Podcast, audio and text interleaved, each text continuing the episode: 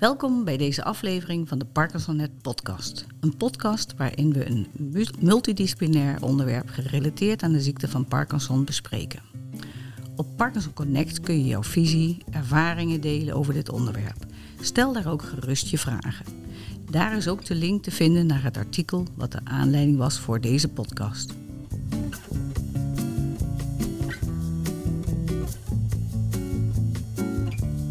Wie praten er vandaag mee? Zou je je willen voorstellen? Mijn naam is Janna Maas. Ik ben logopedist bij zorgorganisatie Limerije. Daarnaast ben ik ook coördinator logopedie bij Parkinsonet. Oké. En ik ben Linda Jonkers. En ik ben uh, apotheker in serviceapotheek Maasdorpen in Meerlo in Noord-Limburg. Okay. En Parkinsonet apotheker. Oké, welkom, welkom.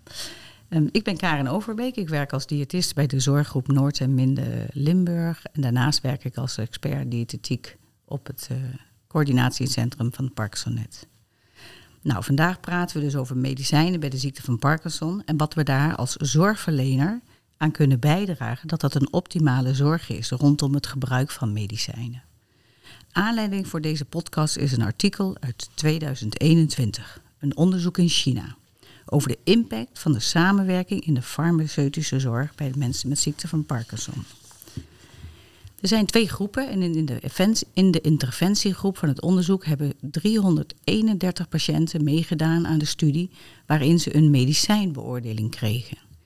En bij die interventiegroep deed de apotheker in dat onderzoek samen met de arts het consult.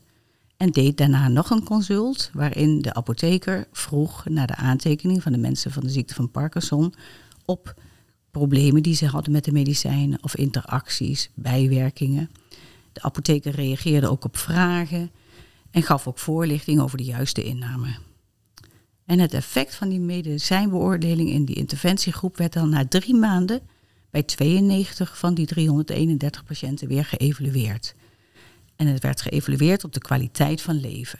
En ze werden ook vergeleken met een controlegroep die dus niet zo'n medicijnbeoordeling had gekregen, maar gewoon de standaard zorg. En dat was een groep van ruim 2000 patiënten. Nou, uit het onderzoek bleek dat die interventiegroep, waarbij die apotheker dus betrokken is, minder bijwerkingen had. Soms werden medicatie aangepast aan de klachten en er werden medicijnen beter ingenomen. Er was dus eigenlijk een betere therapietrouw. Het allerbelangrijkste is dat er een uh, betere kwaliteit van leven werd vastgesteld. Nou, prachtig onderzoek, um, Linda. Ik, herken jij dit ook uit de praktijk als apotheker? Ja, dat, dat herken ik wel. Uh, allereerst wil ik even zeggen dat, um, dat het in dit onderzoek is aangetoond dat echt de kwaliteit van leven verbeterde. Dat is heel bijzonder. Mm -hmm. Want in geneesmiddelonderzoek uh, worden dat soort echt hele harde eindpunten niet heel vaak aangetoond. Het zijn heel vaak hele zachte eindpunten, bijvoorbeeld dat iets de bloeddruk verlaagt, maar dat je daardoor langer leeft en, en een betere kwaliteit van leven hebt. Dat is dan nog maar de vraag natuurlijk. Ja, ja. En dat dat hier dus echt heel erg uh, onomstotelijk aangetoond is, is heel belangrijk. Maar dat kan ik ook wel verklaren. Um, want ik ken als apotheker eigenlijk weinig ziektebeelden waarbij medicatiegebruik zo'n groot verschil maakt voor de patiënt, voor de kwaliteit van leven. Mm -hmm. En uh, ik denk dat iedereen dat ook wel met mij eens is en, en ook wel aanvoelt. Maar um, dat is echt zo. Bij het, het, gebruik van medicatie bij Parkinson, dat maakt het verschil van dag en nacht tussen dat mensen kunnen functioneren of gewoon mm -hmm. totaal niet kunnen functioneren. Ja. En um, het, het, correct innemen van, van medicatie is daardoor ook gewoon des te belangrijker. Want een uur eerder of een uur uh, later dat is bij heel veel medicatie helemaal niet zo heel belangrijk. Maar bij Parkinson echt juist wel.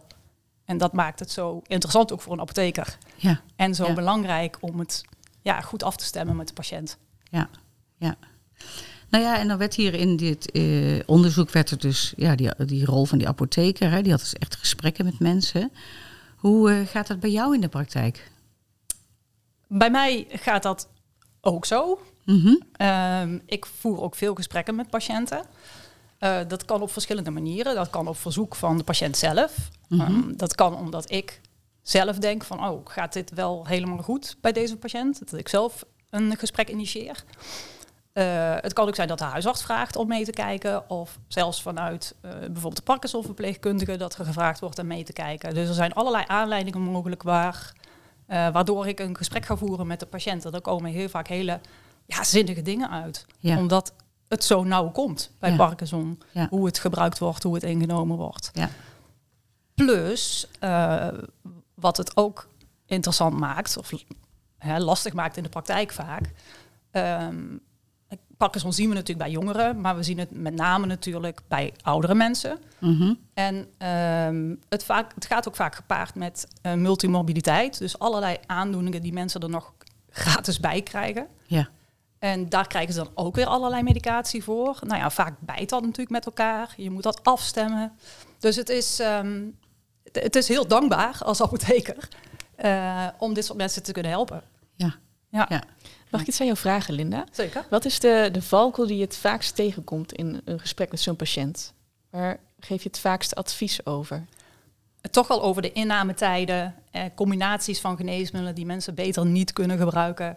Eh, maar ook, en eh, dat zien we nogal eens over het hoofd, ehm, ja, allerlei middelen die mensen daarnaast gebruiken, wat niet voorgeschreven is, maar wat ze bij een drogist of van internet of, nou ja, weet ik veel wat, wat waar ze het vandaan halen. Daar zijn vaak ook heel veel wisselwerkingen met hun reguliere medicatie of dingen die echt misgaan op, eh, op die manier. En als je daarachter komt, ja, dat, dat kan vaak heel veel verschil maken in de werking van de Parkinson-medicatie. Ja. En, en in de andere medicatie die ze gebruiken. Want doordat ze vaak vele aandoeningen naast elkaar hebben, gebruiken ze heel veel medicatie naast elkaar. 12, 13, 14 medicijnen naast elkaar. Ja, dat zien we in de praktijk regelmatig. En doe het maar eens goed. Het is gewoon echt heel lastig. Ja. En als je dan ook nog van alles daarnaast gaat gebruiken, ja, wat niet bekend is bij arts of apotheker of bij de neuroloog, ja, dan kan je voorstellen dat er van alles misgaat. Dus Ja. daar vragen we ook altijd naar. Ja. Ja, ja, dat was ik ook bij als diëtist. eh, Als diëtist doen we dat ook wel. Hè? Weet je, je vraagt de voeding naar bij mensen die ze gebruiken.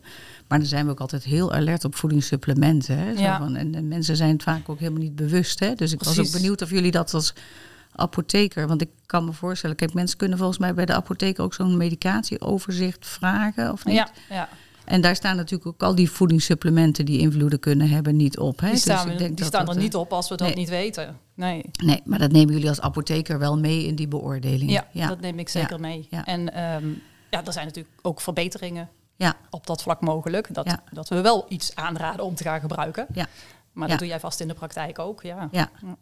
ja, nou en dan vraag ik me wel af, want ik kan me voorstellen, kijk, een, een, eh, een neuroloog of een Parkinson-verpleegkundige zou natuurlijk iets voorschrijven, denk ik. En stel dat jij daar als apotheker denkt van, oh, ik kom deze klacht heel veel tegen, misschien kan je beter iets anders gebruiken, ik noem maar wat. Hoe gaat dat in zijn werk? Heb je daar afspraken over in de regio of, of binnen het netwerk? Of, Eh, nou, het allerbelangrijkste is dat je elkaar kent in Ja. het netwerk, in de regio. ja, Ehm, de Parkinson-verpleegkundige is wat dat betreft ontzettend belangrijk. Als je daar een kort lijntje mee hebt, dat is ja, hartstikke fijn. ja, Ehm, want dan schakel je snel even een mailtje of even een appje via, via Silo. ja, Ja, dat, dat gaat snel en dat ehm, ja, is gewoon heel makkelijk. En patiënten waarderen dat enorm. Ja. En ze zien dat ook zelf als hele grote meerwaarde als die samenwerking goed is. Als de patiënt merkt, de samenwerking tussen zorgverleners is goed. Ja. Dat geeft zo'n vertrouwen bij de patiënt, merk ik. Vinden mensen zo verschrikkelijk fijn. Dat waarderen ze echt heel erg ja, in de zorg. ja. Ja. Dus ken elkaar, maak gebruik van elkaars expertise. Ja, en je mag dat ook gewoon naar de patiënt ventileren, want dat geeft vertrouwen en dat verbetert alleen maar de therapietrouw ook. Ja. Hè, als mensen er vertrouwen in hebben dat ze de juiste medicatie gebruiken. Ja. Dus ja, Ja. ben daar niet stil over. Praat nee, ook nee, over. nee, en nee maar en dan stem je het af met de andere zorgverleners, hè, met de voorschrijvers eigenlijk ook. Ja, ja mooi, hartstikke goed. Ik, maak, ik, ik wil je nog meer vragen, maar ik ga toch even naar Janna.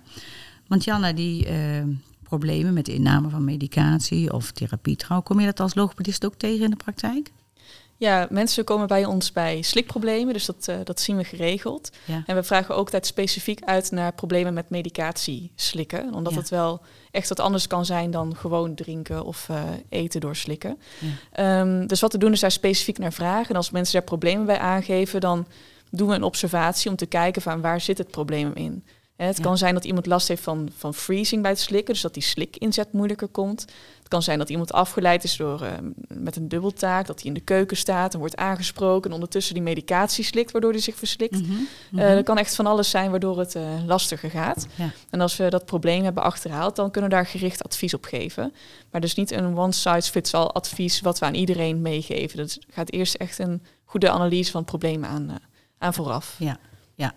Nee, hartstikke goed. En inderdaad, en ik kan ook nog wel aanvullen als, als diëtist, hè, dan, dan ja, komen wij inderdaad ook wel die problemen wel tegen, denk ik. Hè. En um, ja, ik moet zeggen dat we als diëtist altijd checken, zo van weten mensen goed hoe ze die levodopa in moeten nemen, een half uur ervoor of een uur, uur na de maaltijd, zeg maar. Niet met een eiwitrijk product. En uh, dus dat checken we altijd. Ook al is het niet de aanvraag op de verwijzing, zeg maar, maar we checken altijd of er sprake is van obstipatie. Hè, omdat dat natuurlijk ook de werking van leverdopa in de weg kan staan. En we worden wel eens ingeschakeld bij de verdenking van responsfluctuaties. En ik moet zeggen, we adviseren dan ook altijd om, om een aantal dagen, hè, of één of twee dagen, zeg maar, zo'n medicatie-effectenregistratieformulier in te vullen. En dan moeten mensen echt heel daadwerkelijk opschrijven hoe laat ze de pillen nemen en wat ze precies eten. En de conclusie is dan toch in 9 van de 10 gevallen wel van, oh jeetje, ik doe het toch niet zo secuur als dat eigenlijk zou moeten. En dat is natuurlijk ook wel super lastig soms, hè, want als je zes, zeven keer per dag uh, die medicijnen moet slikken, soms lukt het ook gewoon niet. Hè? Dat je gewoon ziet, ja, er blijft gewoon eigenlijk ook bijvoorbeeld geen tijd over om te eten, omdat je, hè, dat je daardoor gaat afvallen. En dan kan het soms wel een beetje een stukje bewustwording zijn naar een opmars, naar een geavanceerde therapie. Hè? Zo van als ik zo moet leven, dan, dan toch maar liever een pomp, bij wijze van spreken. Hè? Dus uh, ja. Dus alle disciplines. En, en cognitie, Linda, ik kan me voorstellen dat ergotherapeut is altijd heel erg uh, betrokken op het moment dat er verminderde cognitie is. Hè? Dat, dat kunnen we natuurlijk ook wel signaleren op dit probleem, denk ik. Is dat ook iets wat de apotheker wel uh, aandacht voor heeft? Ja, zeker. en zeker als er geen mantelzorg ja, dagelijks eigenlijk betrokken is, dan wordt het vaak een probleem. Ja. Uh, we kunnen natuurlijk een weekrol bijvoorbeeld gaan inzetten. Mm -hmm. um, aan de andere kant denken mensen vaak dat die weekrol echt de heilige graal is, dat dan alle problemen opgelost zijn. Maar ja, je kunt die zakjes van een weekrol ook vergeten in te nemen. Dus dat is ook niet altijd de oplossing. Um, uh, er zijn tegenwoordig van die Medido uh, apparaten. Dat apparaat geeft een piepje op het moment dat mensen hun medicatie moeten innemen. Ja. Dat is heel mooi, want mm -hmm. dat piept gewoon op een bepaalde tijd. En dan betekent het innemen uh, pillen. Ja.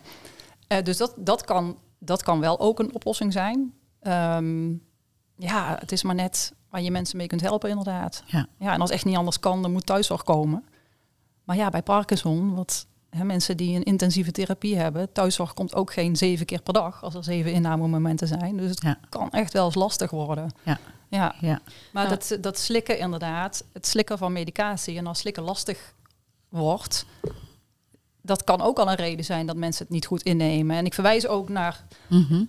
naar de logopedist, hè, met de boodschap, hè, die kan je helpen met sliktechnieken, want uh, mensen zijn met slikken van medicatie heel vaak geneigd hoofd achterover te gooien. Ja, dat is natuurlijk fout één. Dat, dat is een verkeerde sliktechniek. Ja. En ja, jij als logopedist kunt daar echt bij helpen. Krijg je ook wel eens verwijzingen uit de apotheek? Ben ik heel benieuwd naar.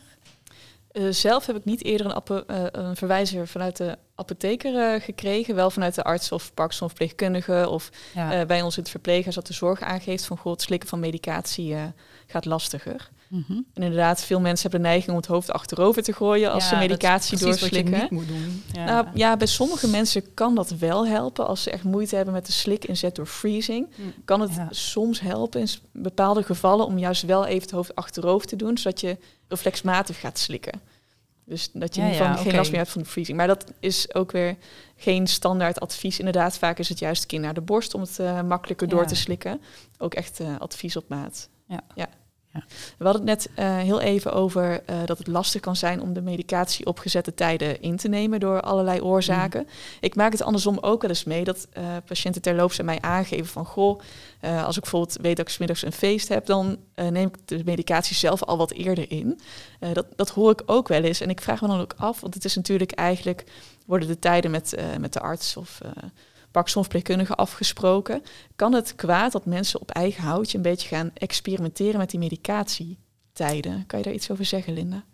Het kan niet per se kwaad. Ze moeten natuurlijk wel weten wat ze doen. Uh, en er zijn mensen die zijn heel betrokken bij hun eigen behandeling. En die bespreken dat ook met de Parkinson-verpleegkundige. Mhm. En uh, dan is dat, ja, dat is per patiënt eigenlijk afhankelijk. Kan iemand dat, kan iemand dat niet?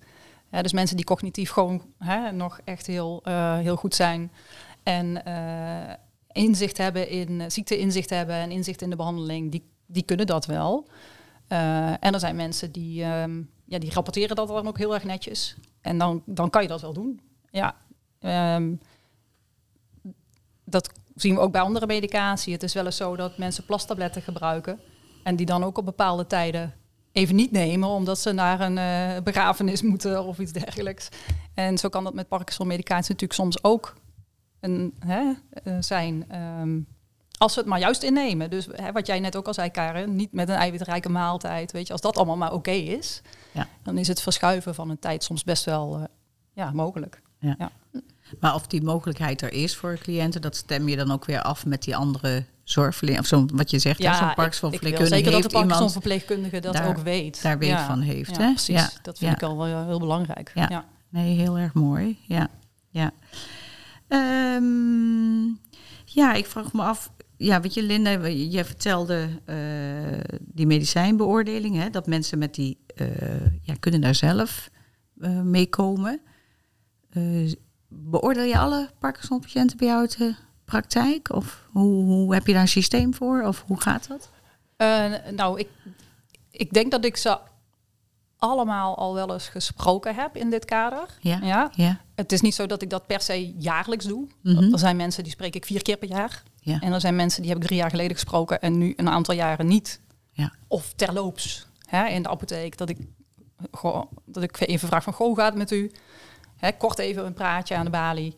Ja. Um, ja. En als alles uh, in orde is en er, zijn geen, uh, ja, er is geen aanleiding, dan hoeft dat ook niet per se jaarlijks. Of, nou ja. En dan wat ik al zei, er zijn mensen die ik uh, vier keer per jaar Ja. intensief spreek. Ja. Ja. Ja. Nee, ik vind het wel mooi en hartstikke goed. En ook, ook mooi om te horen dat we toch echt als zorgverlener ja, veel kunnen samenwerken op dat vlak. Hè? Om elkaar ook uh, te signaleren de problemen die er zijn. En wat, wat Janna ook zegt, er is niet one size fits all qua uh, hoe je medicatie moet inslikken als je ziekte van Parkinson hebt. Dat het heel erg per persoon kan verschillen. Um, ja, ik denk dat we ja, nog wel even door kunnen praten. Maar ik denk, ik loop jullie allebei nog even langs. Zijn er dingen waarvan jullie zeggen van ja, dat, dat wil ik toch echt opmerken. Dat vind ik toch zo belangrijk. Dat moet je als zorgverlener ook weten. Uh, nou ja, wat ik net al zei, dat, uh, dat het bij Parkinson heel nauw komt hoe medicatie genomen wordt. En dat het echt het verschil kan maken. Een verschil van Mhm. dag en nacht. Mm -hmm. uh, tussen kunnen functioneren en niet kunnen functioneren. Er zijn eigenlijk geen ziektebeelden waarbij dat zo duidelijk is en zo helder. Waarbij Mhm. medicatie zo erg het verschil kan maken. En verder is het zo natuurlijk dat de huisarts bijvoorbeeld en de POH, die tegenwoordig heel veel betrokken zijn hè, bij de zorg, ook veel Parkinson-patiënten zien, maar eigenlijk geen kaas hebben gegeten van Parkinson als uh, ziektebeeld. Ja. En um, nou ja, als het dan over medicatie gaat, vinden ze het heel fijn als ik kan meekijken. Ja. zodat ze zeker weten dat ze op dat Parkinson-vlak uh, niks verkeerd doen met, met nieuwe medicatie of met andere medicatie. Ja. Dat dat zeker goed gaat. Dus dat, um, ja, wat dat betreft merk ik dat het heel fijn is ook in de eerste lijn om, uh, om op die manier samen te werken. En als Parkinson apotheker, dat je echt je steentje kunt bijdragen, dat is gewoon heel mooi. Dat Ja. is heel fijn. Ja, nee, hartstikke goed. En op zich herkennen we dat probleem een beetje van dat de. Kijk, een, een huisarts zal twee patiënten, drie patiënten met Parkinson misschien in zijn praktijk hebben. We hebben daar ook een kennisplein voor huisartsen ontwikkeld. En dan kunnen zowel huisartsen als praktijkondersteuners op het moment dat ze een uh, cliënt hebben met Parkinson, zeg maar, kunnen ze zich de kennis eigen maken via een online uh, tool, zeg maar.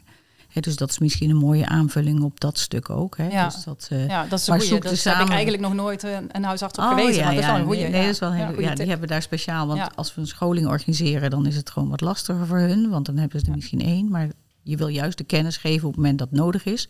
Maar ze weten jou ook te vinden. Dus dat is een heel mooi. eh, Zeker. iets. En ja, weet je, de werkdruk is overal even hoog. Ja. En uh, de huisarts die heeft 10 minuten of een kwartier voor een Parkinson-patiënt. En dat is dan voor de klacht waarmee die Parkinson-patiënt komt. Dat heeft dan weer niks te maken met de Parkinson. Ja. En als dat ook nog in dat 10 minuten moet, ja, dan uh, ja. wordt het heel erg druk. Dus ik denk dat de huisartsen wat dat betreft heel blij zijn als ze dat dan even kunnen parkeren ja. bij mij. Ja, ja, nee, hartstikke goed. Ja. Ja. Jan, heb jij nog iets aan te vullen? Op dit onderwerp? Nou ja, het is misschien een hele open deur die ik ga intrappen. Maar ik ben gewoon heel blij met de kracht van het netwerk. Wat jij ook al aangaf, Linda. Dat de lijntjes kort zijn, dat je elkaar weet te vinden. Ik ben heel blij als mensen mij weten te vinden als ze ergens bij uh, iemand met Parkinson slikproblemen uh, um, signaleren. Dat ze dan mij weten te vinden. Andersom ben ik ook heel blij dat ik bij de uh, verpleegkundige of apotheker terecht kan als de medicatie bijvoorbeeld gemaden moet worden. Dat ik daar kan vragen van, goh, is dat mogelijk? Um, dus nou ja, zoek elkaar op. Dat is wat ik graag uh, mee wil geven nog. Ja.